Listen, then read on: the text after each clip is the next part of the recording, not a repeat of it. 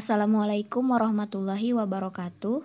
Saya Dahliana akan menjelaskan tentang lembar kerja siswa atau LKS sebagai penuntun pembelajaran materi usaha dan energi.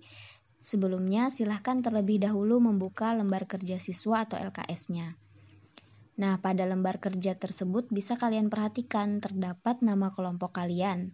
Bisa diisi siapa saja nama anggota kelompok kalian, kemudian dilanjutkan dengan tujuan pada LKS yang sudah tertera. Pada tujuan itu, kalian melakukan percobaan sederhana, yaitu untuk mengukur energi potensial dari sebuah benda jika diukur dari ketinggian yang berbeda dengan massa yang sama. Selanjutnya, pada LKS juga tertera alat dan bahan. Kemudian, kalian bisa menyiapkan alat dan bahan apa saja yang diperlukan dalam melakukan percobaan mengenai energi potensial ini.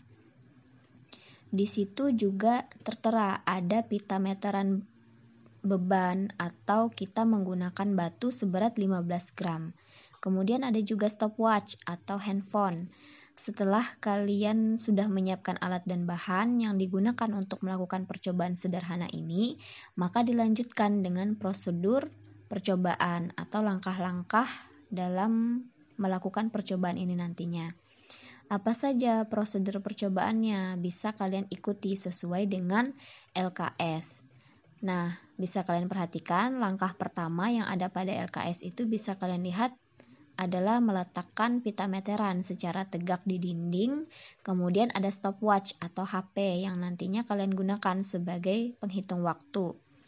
Nah, dihitung berapa lama yang dibutuhkan benda untuk jatuh. Kemudian langkah yang ketiga yaitu ada beban yang kemudian nantinya akan dijatuhkan dari ketinggian tertentu.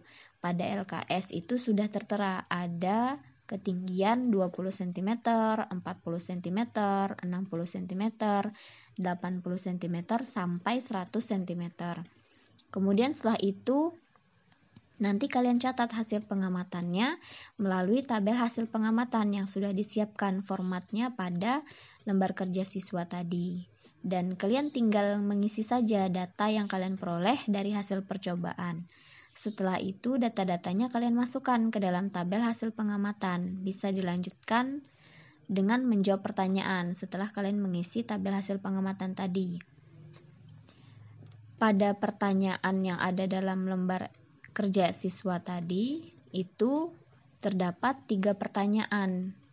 Bisa kalian jawab. Nah, pertanyaan pertama itu berbunyi, uh, perintahnya kalian menganalisis energi potensial yang diperoleh dari hasil percobaan. Maksudnya di sini nantinya dari data-data yang kalian peroleh itu kemudian bisa kalian analisis menggunakan persamaan-persamaan dalam energi potensial.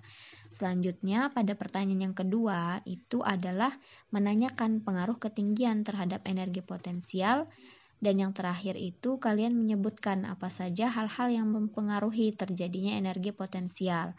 Setelah kalian menjawab semua pertanyaan itu, terdapat kesimpulan. Jadi, dari percobaan yang sudah kalian lakukan itu, kemudian kalian menyimpulkan apa yang kalian dapatkan dari hasil percobaan tadi. Gitu. Oke, baik, saya rasa itu saja penjelasan terkait tentang pengisian lembar kerja siswa mengenai materi, usaha, dan energi.